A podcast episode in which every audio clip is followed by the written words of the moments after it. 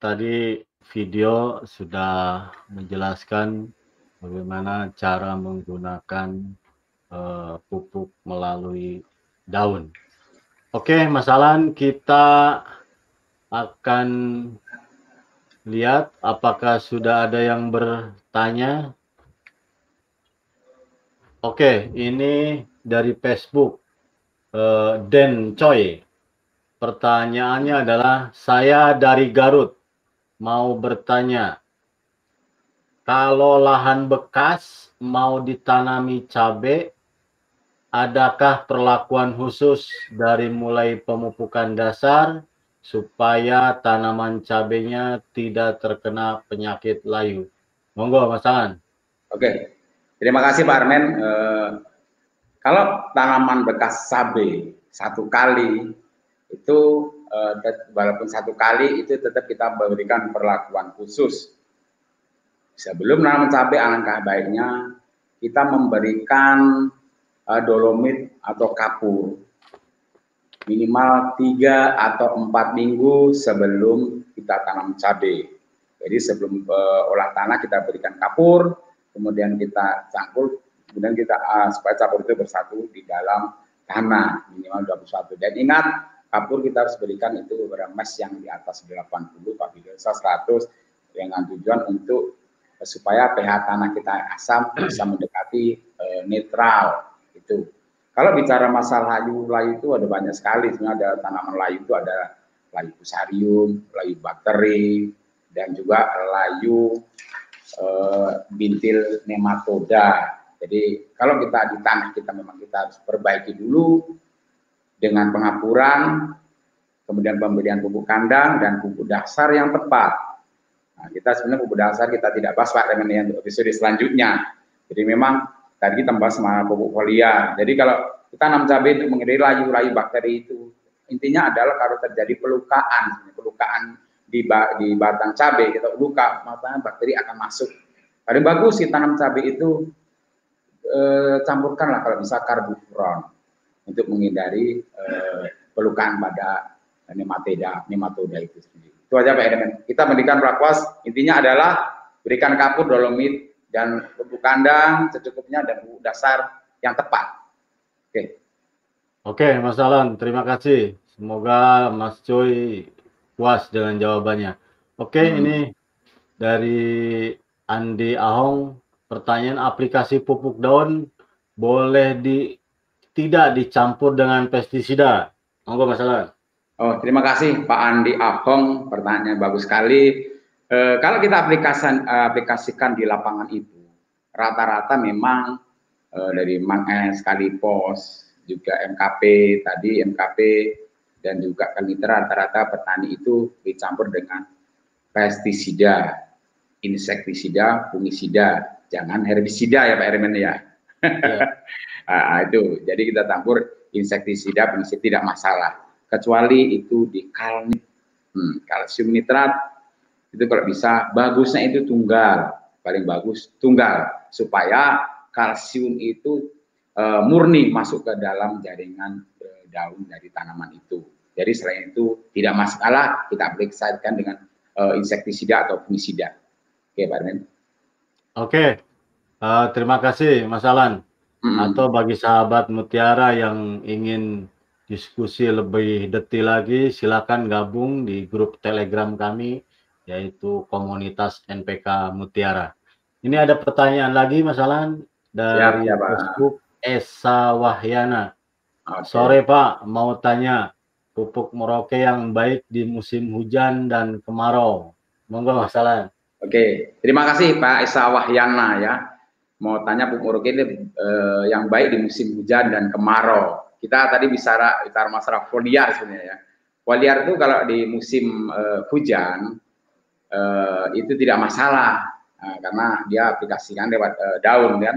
Tapi yang penting adalah itu kalau hujan banyak kita berani berasumsi bahwasanya eh, kalinita itu kita bisa mengurangi dosis, kita maksi nanti bisa kita naikkan dosis kalau untuk aplikasi di tanah, itulah hebatnya dari PT Market Tetap Jaya. Kita di aplikasi dalam tanah pengocoran itu, kalau musim hujan, ingat musim hujan, eh, ada petir juga itu akan menimbulkan kandungan N juga ya Pak Erwin ya. Yeah. Kita sebenarnya ada senjata baru kitab jaya berimprov untuk petani Indonesia ini ada NPK Mutiara Profesional. Itu kalau kita bermain di kocor, sebenarnya kita menjelaskan di musim hujan itu memang uh, eh, NPK Mutiara Profesional, baik di vegetatif ataupun di generatif. Nah itu. Kalau musim kemarau, kalau pertumbuhan tanamannya agak sendat, tidak juga ada sprinter, tapi jangan sering gunakan sprinter juga, NPK sprinter kalau untuk di, bicara kocor. Kita hanya ngasihkan pada saat tanaman kurang uh, Eh, kurang greget kita kasih pertumbuhannya agak bagus. Jadi mengenai NPK profesional sprinter di tanaman cabai atau tomat ini kan jelaskan bagaimana triknya, bagaimana perlakuan khususnya kita akan jelaskan di episode selanjutnya Pak Ermen ya. Terima kasih Pak Ermen. Oke, uh, terima kasih Mas Esa yang jauh di sana di Palu itu masalah. Oke, ini dari Mas Agus uh, Facebook. Pak, izin tanya, tanaman cabai saya di batangnya banyak hama kutu. Cara mengatasinya gimana? Pasir Pogol, Lembang, Bandung. Monggo Mas Alan. Oke, terima kasih Mas Agus dari Lembang, Bandung ya. Memang kalau kutu itu rata-rata di hama tanaman cabai. Itu kita bisa menggunakan uh, imidat uh, kloropit, abametrin, dan lain-lain. Intinya adalah penanganan hama ini kalau bisa bahan aktif yang untuk kutu-kutuan itu eh, bergantian. Kita bisa pakai midacloprid, abamectin, juga kita bisa menggunakan bahan aktif yang kutu-kutuan. Jadi pengenangan hama itu harus eh, bahan aktifnya gantian supaya tidak menimbulkan toleran terhadap tanaman. Oke. Oke, terima kasih Mas Alan. Ya, uh, kita pertanyaan berikutnya dari YouTube ini di hmm. Tepu. Tanya Kang, untuk pupuk fosfat atau TSP berapa harikah sudah terserap tanaman cabai keadaan tanah lembab atau basah? Terima kasih dari Langkat Sumut. Oke, terima kasih Bang Riban Sumut. Horas Bang Riban. Jadi kalau untuk uh, eh, TSP ini uh, kita berikan tanaman TSP ada tipe super fosfat dengan kandungan fosfatnya 46 persen, itu banyak kita berikan di pupuk dasar Pak Riban Sitepu. Jadi pupuk dasar kita berikan TSP. Dan kapan diserap tanaman? Kalau dan dia kan diserap tanaman TSP ini akan lambat. Jadi PT Morgetap Julia sendiri untuk me, me, me, apa namanya itu membenahi masalah fosfat ini kita sudah mengeluarkan pupuk namanya SS Amopos. Nah, SS Amapos itu pengganti daripada TSP untuk di tanaman tapi di buku dasar karena SS sendiri amonium dan fosfat itu kalau dalam dalam satu kombinasi akan mudah terserap di tanaman.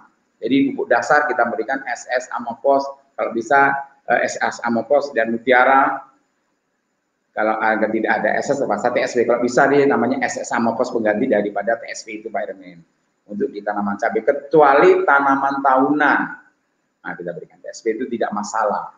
Oke, kembali ke Pak Ermin. Oke, terima kasih Mas Alan. Uh, mudah-mudahan puas uh, Bang Sitopu. Ini dari Facebook Saban hmm. Mardiana. Saya dari Garut. Pupuk apakah yang cocok untuk mengatasi rontok bunga pada tanaman cabai? Monggo Mas Alan. Oke, terima kasih Pak Saban Mardiana.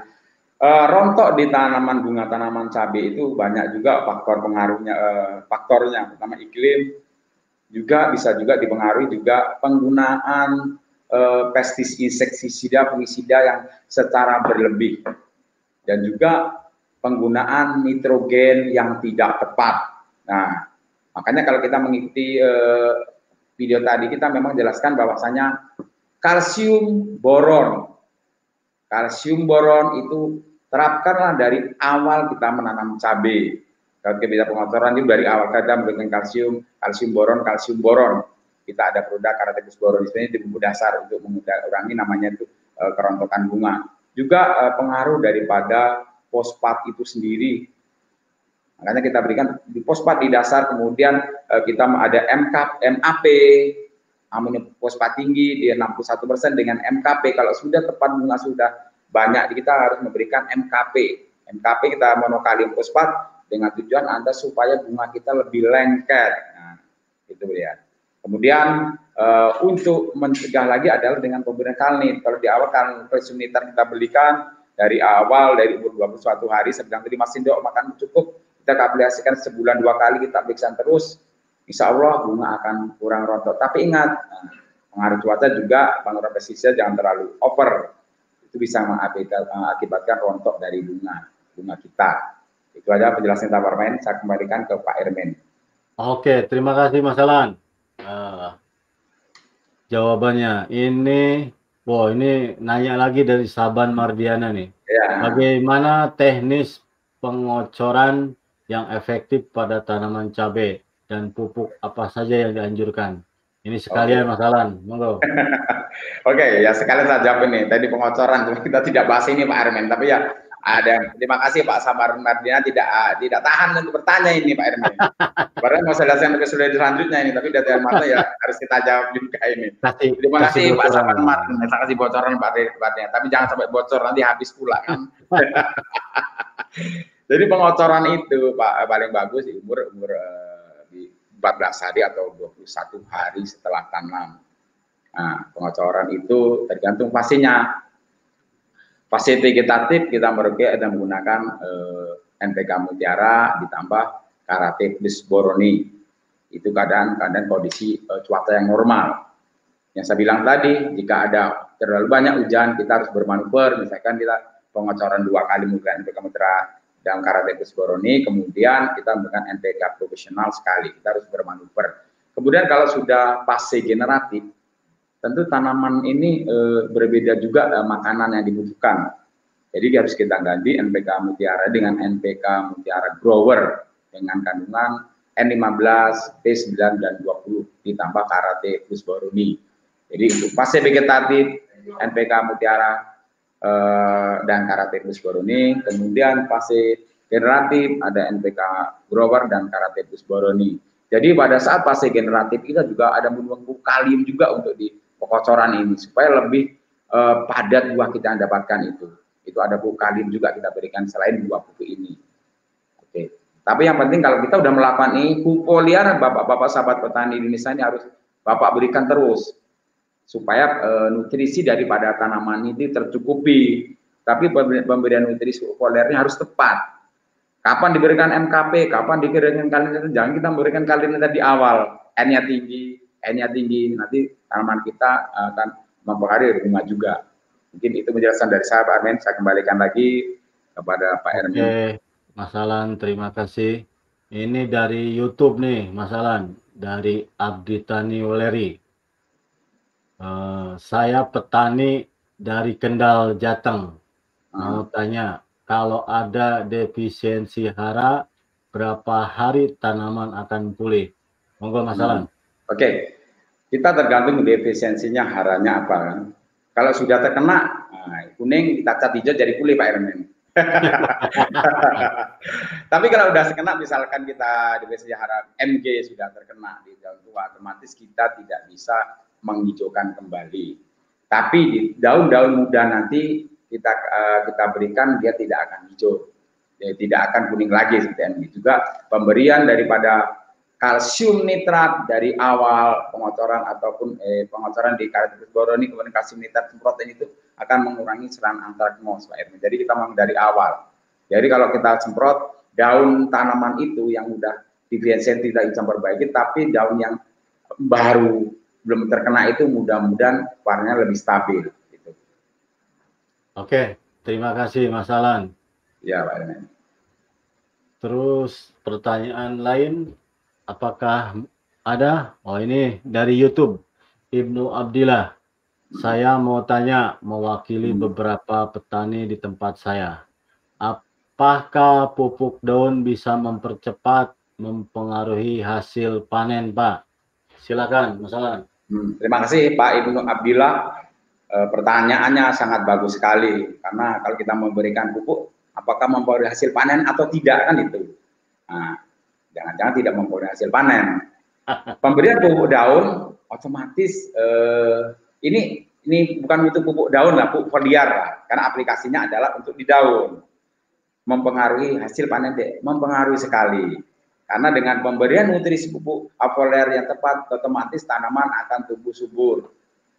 Dan juga kalau kita tanaman kita sudah berbuah, sudah masuk fase-fase generatif, kita harus memberikan pupuk foliar atau pupuk daun di fasenya.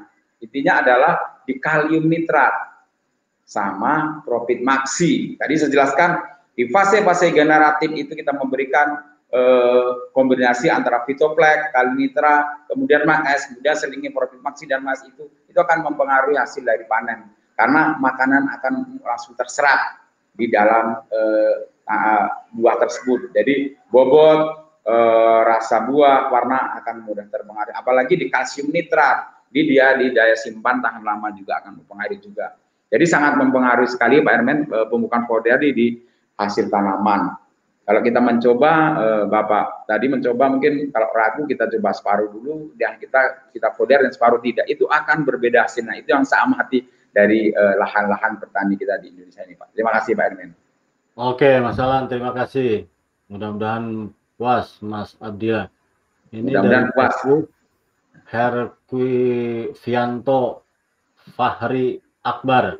Saya petani dari Kendal Jateng tanya kira-kira apakah ada jenis pupuk daun yang untuk mempercepat kematangan buah cabai supaya bisa panen serentak untuk mengejar harga yang bagus. Yang kedua, pupuk mikro fitoplek itu penggunaannya lebih bagus pada pertumbuhan atau pembuahan. Pak Matursun. Monggo Mas Alan. Ya, oke. Okay. Terima kasih Pak Armin. Uh, kembali ke pupuk daun itu apakah bisa mempengaruhi supaya cepat masak? Sebetulnya uh, kalau kita membuat cabai kita sudah uh, fase generatif, coba bapak bapak aplikasikan uh, resep saya tadi. Uh, Karnita Makes, kemudian Butopelek, kemudian diganti dengan selanjutnya dengan Profit Maxi sama Makes. Itu pematangannya akan serentak. Nah, Profit maksi Pak. Hmm, kalau Bapak pengen matang buat cepat, eh, dua kali aplikasi profit maksi, kemudian satu kali aplikasi kalinya bergantian. Itu matangnya akan serentak. Karena di profit maksi itu ada uh, hara khusus yang uh, pupuk yang bagus profit maksi. Saya jangan apa uh, rekomendasi untuk petani ini profit maksi kalau untuk pengen serentak di pematangan buah. Kemudian pupuk daun, fitoplek haruslah kita uh, berikan Putoplek nama unsur hara pupuk mikro Pak. Dalam satu saya tadi sudah jelaskan ada enam unsur hara mikro Pak. Dasar sekali Pak. Kita memang dari awal kita memberikan itu. Otomatis dari awal kemudian pada saat fase generatif mau panen itu kita berikan namanya pupuk fitoplek. Karena pada saat generatif e, tanam cabai berbuah juga untuk unsur mikro juga Pak. Nanti dia pas saat generatif cabai iri juga udah besar kok nggak dikasih mikro nih ah, ngambek dia nggak panennya nggak bagus itu Pak Herman ya. Seperti dari kecil Pak Herman minum kopi terus tadi ya. Sekarang harus minum kopi ya. itu bang uh, saya jadi tanaman ke kita juga mikro dari awal kita berikan sampai fase generatif Pak. Lanjut aja Pak. Oke, Mas ya, Alan, terima kasih. Ya, terima kasih Pak. Uh, nanti untuk lebih jelasnya silakan sahabat Mutiara bisa gabung di grup Telegram kami yaitu komunitas NPK Mutiara untuk pertanian konvensional dan untuk hidroponik kita ada grup uh, hidroponik Mutiara. Oke, ini ada pertanyaan lagi dari uh, Pak Andi Ahong ini. Saya ada keluhan dari petani cabai yang menggunakan pupuk mikroba Eh, dan pestisida kimia. Tanaman cabenya sudah mulai berbuah, tapi banyak sekali hama yang tidak bisa dikendalikan, sehingga daunnya kuning dan kecil-kecil. Sedangkan produk kimia tidak mempan. Terus pupuk yang digunakan apa aja? Enggak masalah. Ini uh, pengaruh ke namanya itu kebanyakan uh, terjadi ini di daunnya kedil kuning itu orang bilang kena trip atau bunga. Jadi memang uh, hama di tanaman cabai yang dia ngomong ada trip virus ini atau keriting itu sangat banyak sangat terjadi Pak Erwin. Jadi kalau memang itu terjadi, kita terlalu banyak insektisida, itu kebanyakan kita kurang tepat. Yang dijabarkan tadi insektisida yang tepat adalah kita harus mengganti beberapa bahan aktif gantian. Bisa akarisida, kemudian abamectin, kemudian ganti sekilas imimida, seperti itu terus gantian. Tapi yang paling tinggi sekarang kita obati juga kita harus memberikan pupuk foliar di daun. Nah, sebenarnya ada satu resep lagi untuk di itu kita ada fitoplek itu pak, fitoplek maes, kemudian eh, maksi kita berikan kalau udah kedil-kedil kuning itu, mudah-mudahan itu bisa teratasi. Tapi kalau daun cabai yang sudah keritingnya itu sudah menggulung, aduh itu agak susah kebanyakan Pak Ermin. Itu paling banyak obatnya kalau udah keriting menggulung. Intinya adalah Eh, kita harus menggunakan insektisida itu secara tepat gitu. Kemudian pupuknya juga tepat. Gitu. Oke, Pak Ermen. Oke, Mas Alan, terima kasih. Terus pertanyaan berikutnya uh, Facebook dari Uca Lokal. Kalau pemupukan ya. tidak atau minggu tidak per minggu. Tidak tidak per minggu ya, hmm. tapi dua sampai tiga minggu sekali tapi dosisnya ditambah. Kira-kira gimana Pak? Nah, ini kadang-kadang petani nggak sabar ini masalahnya. Ya, ya. Pengen pengen tempat besar aja tanaman cabai tempat, tempat panen gitu. Mumpung harga mahal bisa harganya mahal ya. Iya. Terima kasih Pak Uca Lokal ya pertanyaan bagus Pak. Eh, bisa kita bisa seminggu sekali atau uh, dua hari sekali kita tambah dosis sebetulnya kita usahakan tanaman cabai itu ini ini bicara foliar atau pengocoran ini ya bingung. Kalau pengocoran kita bisa dosisnya tetap Pak 10 hari 7 sampai 10 hari sekali. Itu kalau foliar tetap Pak dosisnya tetap itu. Jadi kalau Bapak uh, sempatnya tiga, uh, tiga minggu dosisnya kalau bisa ya cukup yang jangan ditambah. Nanti kalau kita overdosis kan sayang pertama tanaman juga akan rusak juga. Kemudian kantong kita kering pak. Gitu dia. Jadi kantong kita kering. Jadi yang paling penting adalah untuk foliar tetapkan 10 hari sekali uh, sekali kita membuka foliar 10 hari 10 hari sekali insya Allah tanaman bapak itu bagus. Itu. Oke terima kasih Mas Alan. Ya memang hati-hati ya sahabat mutiara. Kalau untuk pemupukan baik dari kocor ataupun daun itu hati-hati dengan dosisnya atau konsentrasinya Oke, ini dari Facebook Ana Yusuf. Apakah Mag S bisa digunakan waktu generatif? Bisa membuat bunga cabai rontok? Karena kata petani Mag S jangan digunakan saat generatif. Akan membuat bunga cabai jadi rontok. Salam mutiara dari Briangan Kalsel. Oke. Okay. Salam, bro. Ya, salam mutiara kembali Pak Pak Ana Yusuf dari Badan Kalsel Kalimantan Selatan. Saya belum pernah ke sana Pak. Uh, memang uh, Mak S beberapa petani uh, generatif tidak digunakan. Tapi kita sudah bahas juga kalau magnesium itu tidak mau begitu mempengaruhi ke uh, kerontokan bunga. Yang paling mengerontokan ke N tinggi kita bisa mempengaruhi rontokan bunga juga penggunaan daripada pestisida yang tidak ukuran itu akan merontokkan bunga juga. Jadi makes saja tidak tidak mempengaruhi kerontokan bunga asal dosisnya tepat pak. Pasal pak regeneratif jangan bapak mudah ke saja kan itu. Makes kita gunakan lima sendok ada kita ada fitoplek ada itu kemudian kali nitra itu. Coba bapak eh, yang bunga rontok bapak terapkan jangan uh, generatif ini makai saja karena generatif ini bukan pasti generatif itu tanaman tidak uh, tidak hanya butuh magnesium dan sulfur tapi tanaman juga butuh namanya kalium uh, dan unsur hara mikro.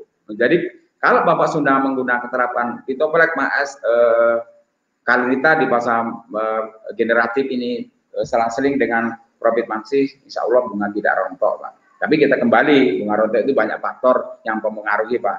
Setahu saya Mark S itu masih generasi tidak masalah, Pak Herman.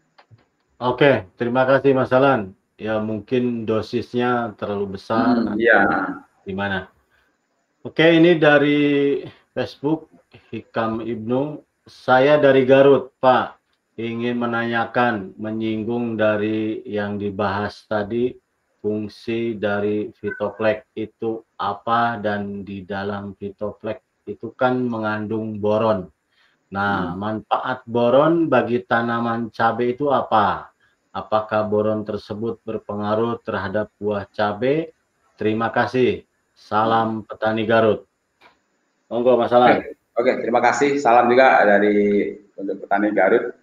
Boron, boron itu eh, sangat penting sekali di terutama di sel tanaman juga untuk dan kalau kita memang boron itu kita memang dari awal kita memberikan kita kalau kita bicara kotor ada karatipus boroni. Kenapa kita harus kalsium daron boroni berfungsi untuk dinding sel tanaman supaya lebih fleksibel. Dan juga boron juga berpengaruh terhadap pembungaan juga.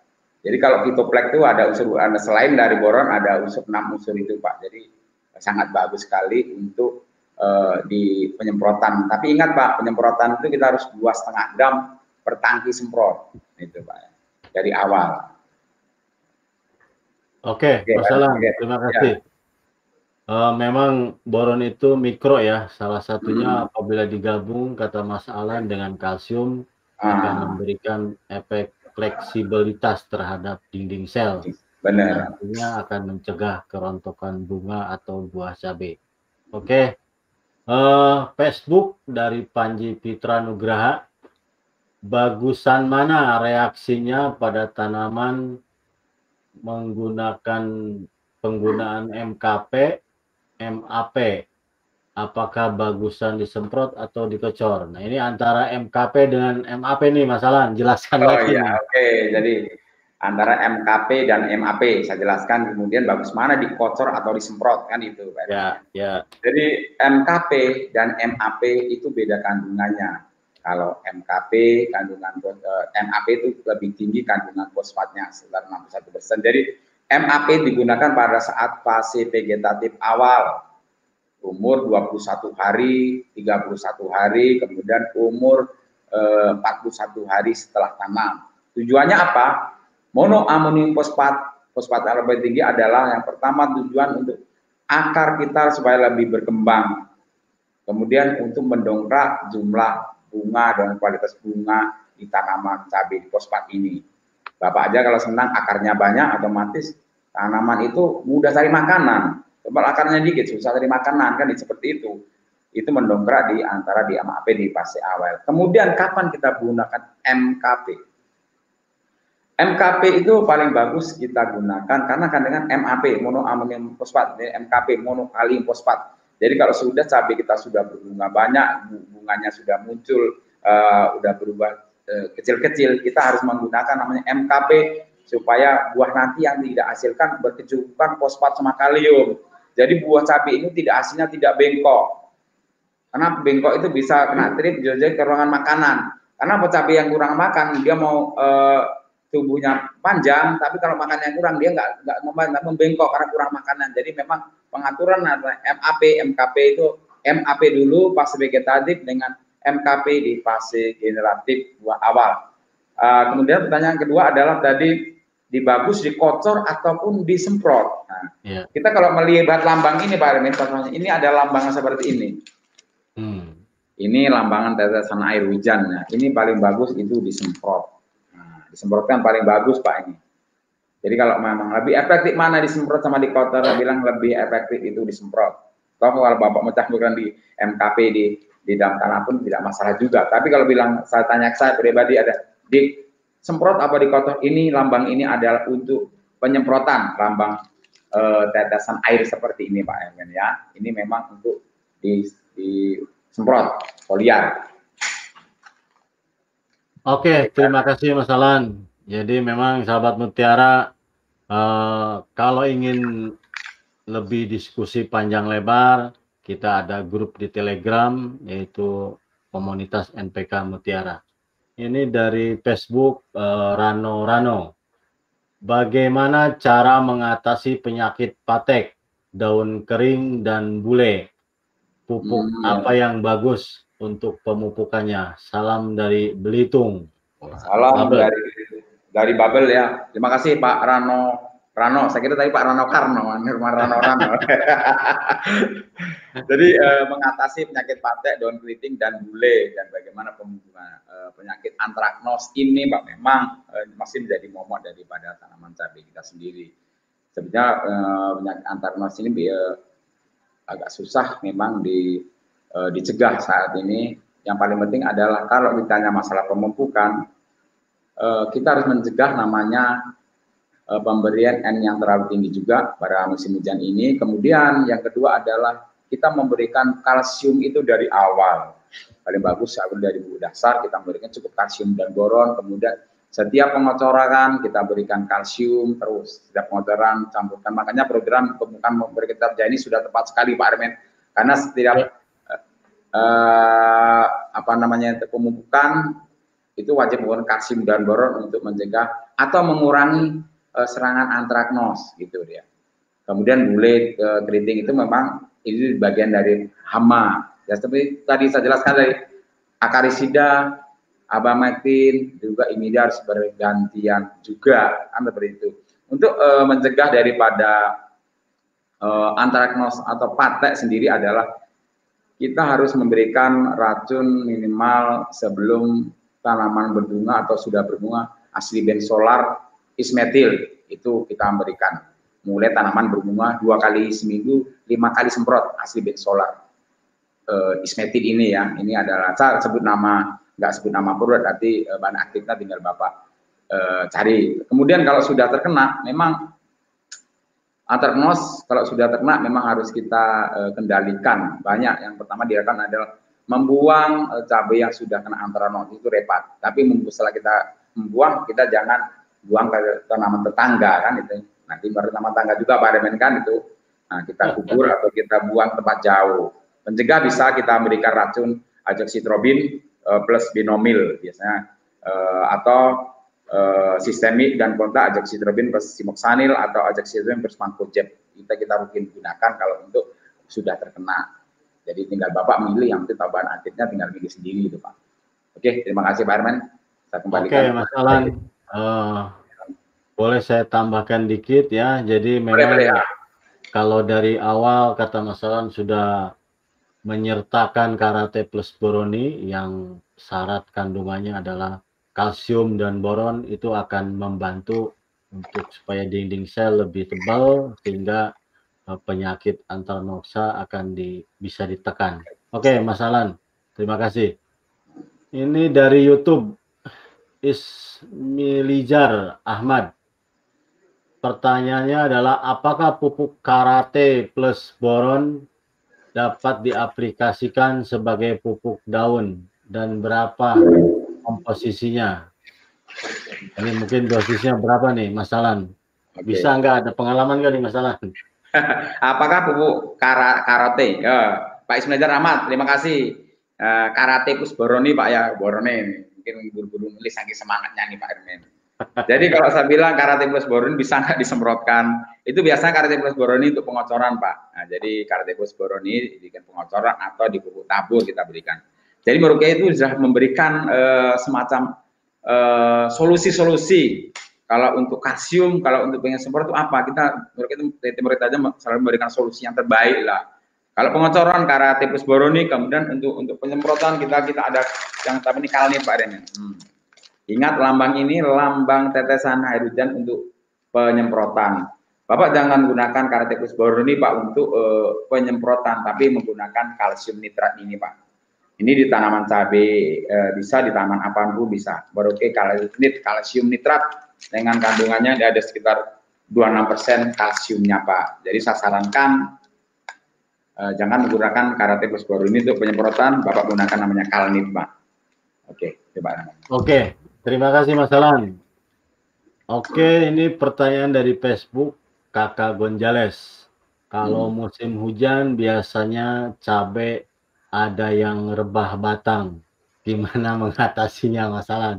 Monggo. Rebah batang musim hujan ya. Memang uh, kalau musim hujan ini rebah batang, ya kalau kita rebah batang kita harus memanuver dengan pupuknya juga Pak musim hujan kurangi pupuk yang mengandung nitrogen yang tinggi. Karena tanaman yang semakin gemuk otomatis dia akan eh, apa namanya itu mudah rebah. Jadi kita menggunakan ber, eh, bisa bermenapur pupuk yang dengan kandungan P dan K yang seimbang dengan N rendah.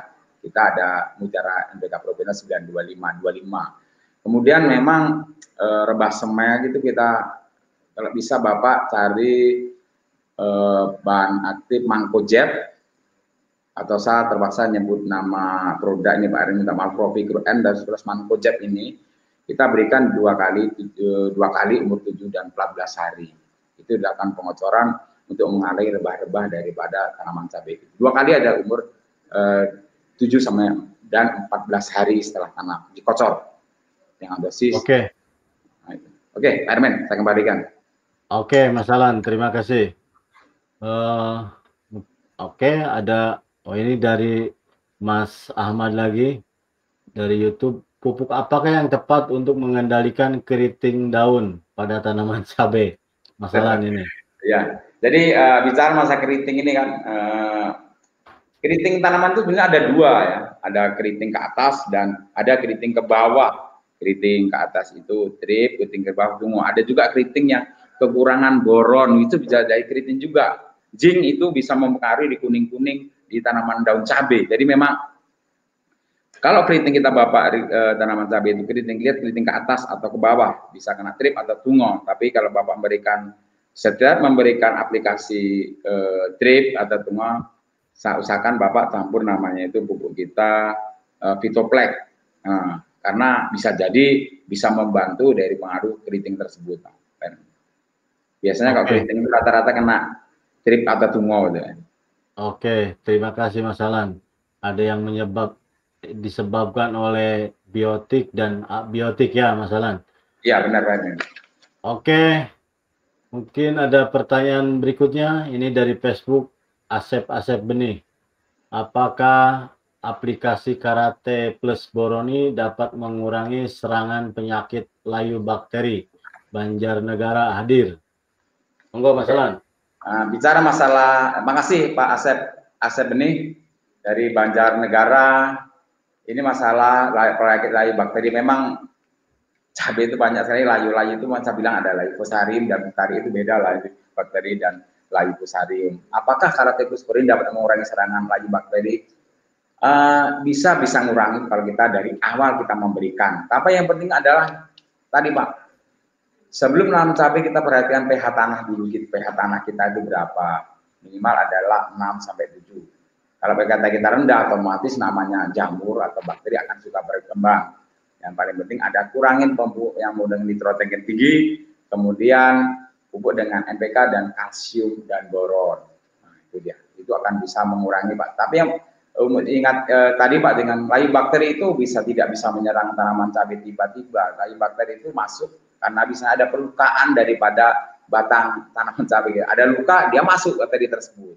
Jadi memang kita dari awal karbupuron, buku dasar itu sebagai selain NK Mutiara SS dan Boroni terbang karbupuron lah untuk uh, mengurangi serangan daripada uh, perlukaan di batang itu Pak Remen. Itu bisa mengurangi Pak Remen kalau kita dari awal mengkali Boroni. Oke, Mas Alan, terima kasih.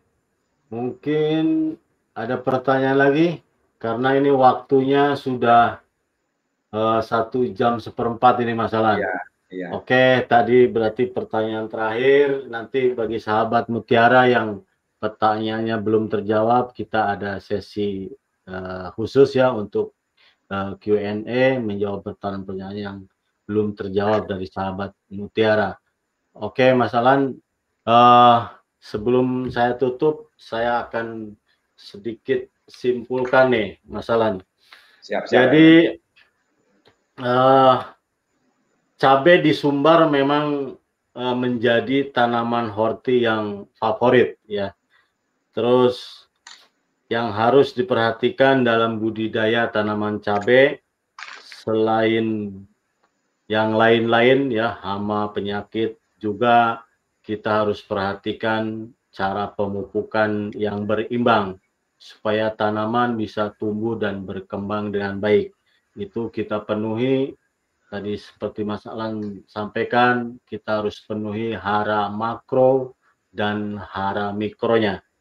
Terus monitoring, amati terus pertumbuhan dan perkembangan tanaman cabai kita, karena nanti kalau kita monitoring terus, ada gejala yang kekurangan atau kelebihan kita bisa pantau ya karena tadi Mas Alan sebut tanaman tidak bisa ngomong melalui gejala defisiensi ya ngomongnya.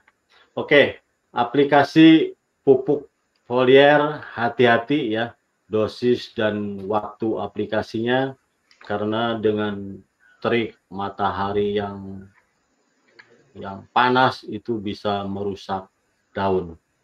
Oke, sahabat mutiara, eh, jika temu tani online episode ini dirasa bermanfaat, silakan bagikan eh, video ini sebanyak-banyaknya di media sosial Anda supaya menjadi motivasi kami ke depannya untuk memproduksi lebih banyak lagi eh, video-video edukasi lainnya. Ikuti terus kami di media sosial.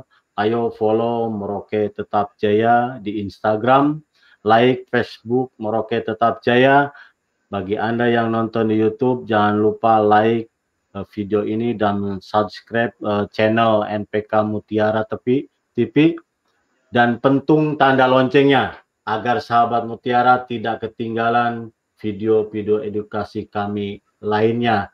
Sekali lagi Mas Alan, terima kasih. Stay healthy, jaga jarak, pakai masker. Sampai jumpa di episode berikutnya. Wassalamualaikum warahmatullahi wabarakatuh. Salam mutiara. Kampung.